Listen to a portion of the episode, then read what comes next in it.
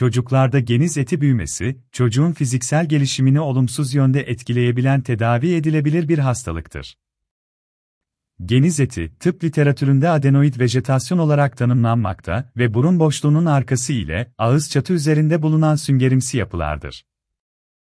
Geniz eti, solunum sürecinde vücuda alınan zararlı bakteri ve virüsleri yakalayarak bağışıklık sistemini uyarma görevinde fonksiyoneldir. Ancak sık hastalık nedeniyle ve aşırı büyük geniz eti fayda yerine zarara neden olmaktadır. Geniz eti çeşitli durumlarda büyümekte ve çocuklarda bir takım şikayetlere neden olmaktadır. Çocuklarda geniz eti büyümesi belirtileri Çocuklarda geniz eti büyümesi belirtilerini aşağıdaki şekilde sıralayabiliriz. Burunda tıkanıklık ve bu nedenle ağızdan nefes alma. Yutkunma sırasında güçlük. Uyku problemleri, uyku sırasında hırıltılı ses çıkarma ya da horlama. Yorgunluk ve dikkat dağınıklığı. Çene ve yüzde şekil bozuklukları. Dişlerde çürüme. İşitmede azlık, kulakta sıvı birikimi ve zarda çökme, kalıcı kulak problemleri. Yukarıdaki şikayetlerin sürekli yaşanması çocuklarda fiziksel açıdan gerilim geriliğine neden olabilmektedir. Bu nedenle ertelemeden kontrol altına alınmalıdır. Öyle ki geniz eti büyümesi solunumda hava yolunu tıkayabilmekte ve bağışıklık sistemini zayıflatabilmektedir.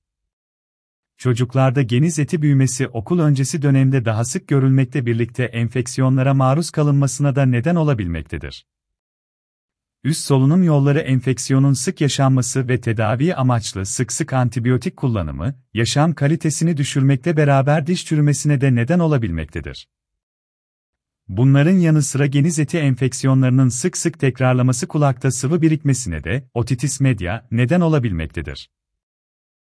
Geniz eti büyüyen çocuğun öncelikle fizik muayene, genel sağlık durumunun kontrol edilmesi ve ince endoskopik kameralarla, fiberoptik nazofarengoskopi, incelemeler sonucunda tanı konulup geniz eti ameliyatının planlaması yapılmalıdır. Çocuklarda geniz eti ameliyatı Çocuklarda geniz eti ameliyatı son yıllarda güvenilir ve konforlu bir şekilde uygulanabilmekte, ameliyat sonrası iyileşme süreci oldukça kısa sürmektedir. Ameliyat tercihen 3 yaş üzeri çocuklarda uygulanabilmektedir ancak solunum yolunu önemli derecede tıkayıcı durumlarda 2 yaşında da uygulanabilmektedir. Genel anestezi altında uygulanan geniz eti ameliyatı yaklaşık 1 saat sürmekte ve ağız içerisinden dikiş uygulamasına gerek duyulmadan gerçekleştirilebilmektir. Hasta hastanede yatmadan aynı gün öğlene eve gidebilmektedir. Ameliyat sonrası ağrı olmamakta, çocuklar hızlı bir şekilde sosyal hayata dönebilmektedir.